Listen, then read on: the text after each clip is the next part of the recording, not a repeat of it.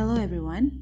Welcome to Overdose, Overtime with GLaDOS, a podcast primarily meant for sharing, discussing, and hopefully learning new stuff on self. My name is Gladys Olivia. I'm a doctor, currently living in Southwest Sumba for my internship program.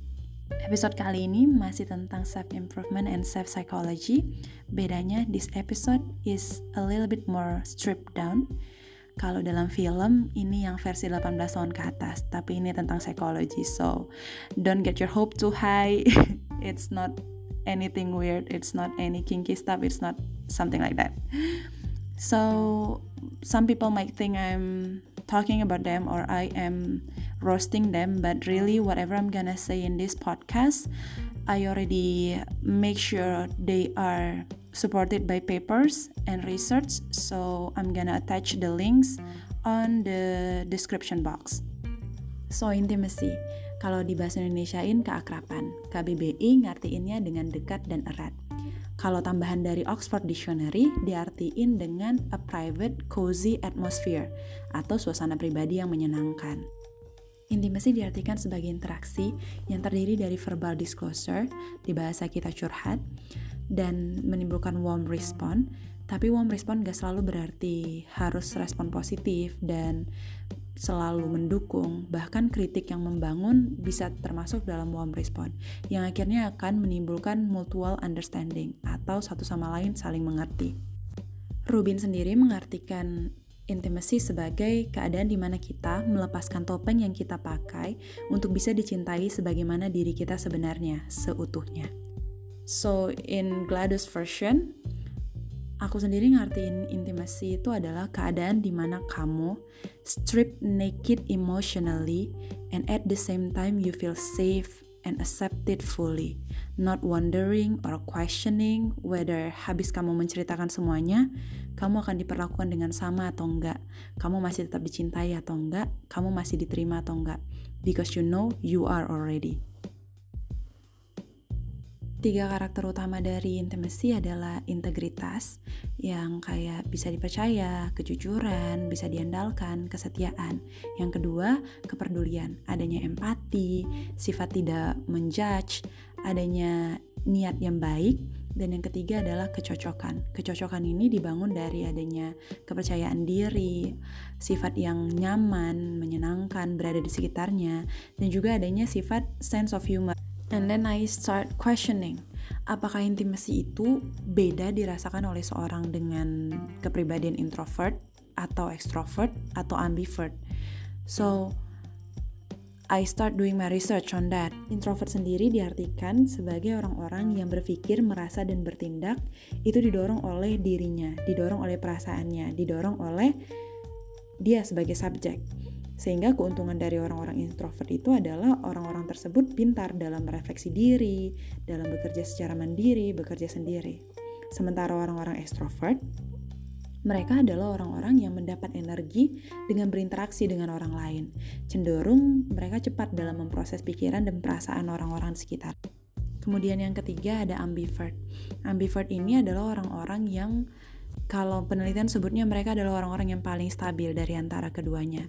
Mereka tuh sering sebutannya outgoing introverts atau antisocial extrovert.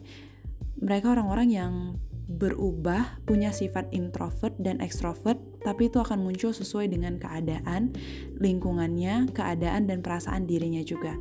Jadi mereka orang-orang yang waktu sama temennya bisa main, tapi at times they also need their alone time gitu. Nah, kenapa aku jadi bahas tentang spektrum kepribadian karena dulu aku sempat berpikir mungkin pandangan aku tentang hubungan dan intimasi itu lebih dipengaruhi karena aku ambivert yang cenderung lebih sering introvert kayak gitu. Because I'm one of those people yang gak percaya sama sorority group. Gak percaya sama grup yang anggotanya mungkin 10 atau berapa dan nyebut satu sama lain itu my best friend. I never believe those things. Tapi kemudian orang-orang terdekat aku yang emang dalam spektrum itu lebih ke arah extrovert, they also say the same thing gitu. Kalau sebenarnya their group of people, their group of friends yang mereka ajak main atau pergi nonton bareng atau karaoke bareng itu bukan berarti sahabat mereka. Jadi karena aku penasaran, I did my research.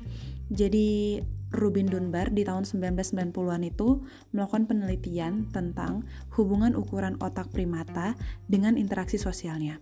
Jadi inti yang dia dapat adalah semakin besar ukuran otak suatu primata, itu semakin besar pula kelompok sosialnya. Nah, kemudian dia mengkonversikan penelitian itu dengan ukuran otak manusia. Jadi akhirnya dia tuh mendapat angka pasti berapa sih sebenarnya jumlah orang jumlah orang yang termasuk dalam circle sosialnya seorang manusia dan dia dapat angka 150 orang. Nah, dari 150 ini, Robin membagi menjadi empat layer, empat tingkatan, yaitu di tingkat yang pertama atau yang paling dekat itu diisi oleh paling banyak lima orang. Itu adalah orang-orang yang paling dekat, yang hubungannya paling bermakna, paling penting terhadap kita. Lalu di tingkat yang kedua, itu diisi oleh 10 orang yang lain. Lalu di tingkat ketiga, itu diisi sebanyak 35 orang. Dan di tingkat keempat, itu diisi dengan 100 orang. Jadi totalnya ada 150. Kemudian, uh, peneliti dari MIT, mereka menguji keabsahan hasil dari Robin ini karena kan dia tahun 1990-an. Jadi mereka meneliti di tahun dari tahun 2007 sebenarnya sampai dengan sekarang masih tetap dilakukan peer review terhadap itu. Tapi hasil yang mereka temukan itu nggak jauh beda angkanya yang ditemukan oleh Robin yang dikemukakan oleh Robin dengan yang juga ditemukan oleh uh, peneliti-peneliti dari MIT. Mereka menggunakannya dengan cara mendata siapa saja orang-orang yang melakukan interaksi secara teratur dan berkala dengan seseorang. Jadi dari catatan telepon mereka gunakan dan itu mereka tidak hitung keluarga. Walaupun sebenarnya keluarga juga bisa termasuk dalam orang-orang yang uh, memiliki intimasi dengan kita. Jadi hasil akhirnya didapatkan bahwa rata-rata orang itu setiap orang punya kisaran empat orang yang mereka tuh selalu keep in touch with yang mereka tuh selalu bertukar kabar dengan satu sama lain yang mereka selalu follow up kalau dalam istilah pasien. Nah, Nah, penelitian yang lain juga mencari apa sih sebenarnya yang mendasari orang untuk mau membangun hubungan persahabatan atau hubungan uh, romantis dengan satu sama lain gitu. Yang utama itu ternyata memang sama kayak yang tadi yang membangun intimasi yaitu adalah adanya kepercayaan, kejujuran dan dukungan.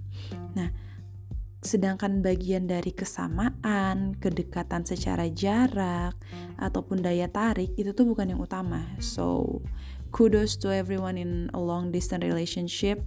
As long as the intimacy is still there, you got it.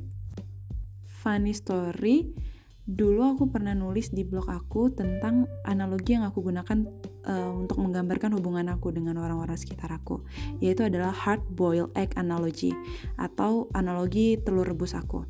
Nah, aku sebut di mana kalau dalam hubungan aku dengan siapa pun orang-orang itu ada orang-orang yang masuk ke kategori di cangkang telur. Jadi itu orang-orang yang kolega yang ngelihat aku dari luar yang cuma tahu kerja aku atau yang dengar aku dari omongan orang lain atau yang waktu koas itu satu siklus sama aku those are the people yang di cangkang telur Lalu bagian kedua itu ada membran putih. Membran putih ini adalah bagian-bagian dari orang kolega itu yang mungkin um, pergi main bareng sama aku. I can have good times with them. I can go out see movies with them istilahnya kawan main gitu. Baru yang ketiga, bagian putih telurnya itu aku sebut dengan teman-teman dekat. Teman-teman dekat itu adalah orang-orang yang I let them see some part of me, but not all part of me. Dan um, mereka orang yang mengenal lebih dalam, walaupun tidak sedalam kuning telur. Karena kalau kuning telur itu adalah orang-orang yang emang sudah tahu luar dalam. Kalau aku sih sebutnya seburuk-buruknya aku, setai-tainya aku, sebangsat-bangsatnya aku, they know me, they accept me, they love me. And gitu juga aku ke mereka. Kenapa sih ini tuh sesuatu hal yang um, aku rasa perlu banget untuk dibicarakan dan kita saling terbuka. Karena waktu kamu tuh udah tahu benar-benar siapa yang jadi orang kuning telur kamu atau siapa yang jadi putih telur kamu kamu gak bakalan terlalu peduli sama apa yang orang-orang yang sebenarnya cuma ada di cangkang atau ada di membran putih omongkan tentang kamu. Kamu nggak bakal habiskan terlalu banyak waktu, terlalu banyak uang, terlalu banyak usaha untuk bangun hubungan sama orang-orang yang sebenarnya juga tidak melakukan hal yang sama dengan kamu gitu. Karena saat kita punya hubungan dengan orang dan itu punya intimasi yang bagus, itu bukan cuma ningkatin dari kualitas hidup kita, kayak kesejahteraan secara mental kita, tapi juga jadi pengembangan diri kita karena kita jadi punya wadah untuk bisa terbuka, bisa minta koreksi dan bisa yakin dengan koreksi yang mereka berikan because we know they all mean all the best for us gitu. So yeah, know who your egg yolk is. Taulah siapa yang jadi kuning telur kamu dan gak ada salahnya untuk punya banyak teman main, banyak teman nongkrong, banyak teman cerita, tapi untuk hal-hal yang sangat private, hal-hal yang prinsipal, hal-hal yang akan menentukan pilihan kamu ke depannya, hidup kamu ke depannya, sharelah hal itu dengan orang-orang yang memang kamu percaya, yang udah jadi kuning telur kamu, dan kamu pun kuning telur dalam hidup mereka. Karena waktu kamu share dengan orang yang salah, itu bakal create luka dalam hati kamu dan akhirnya jadi sulit untuk percaya kalau kamu bisa bangun intimasi selanjutnya kayak gitu. So so ya yeah, dengan usia yang makin dewasa try not to only stripping down physically for other people but know which people you can strip down emotionally with because that way life will feel more satisfying and also savor at the same time. For you can be who you really are and be loved fully, and also love other people for who they really are.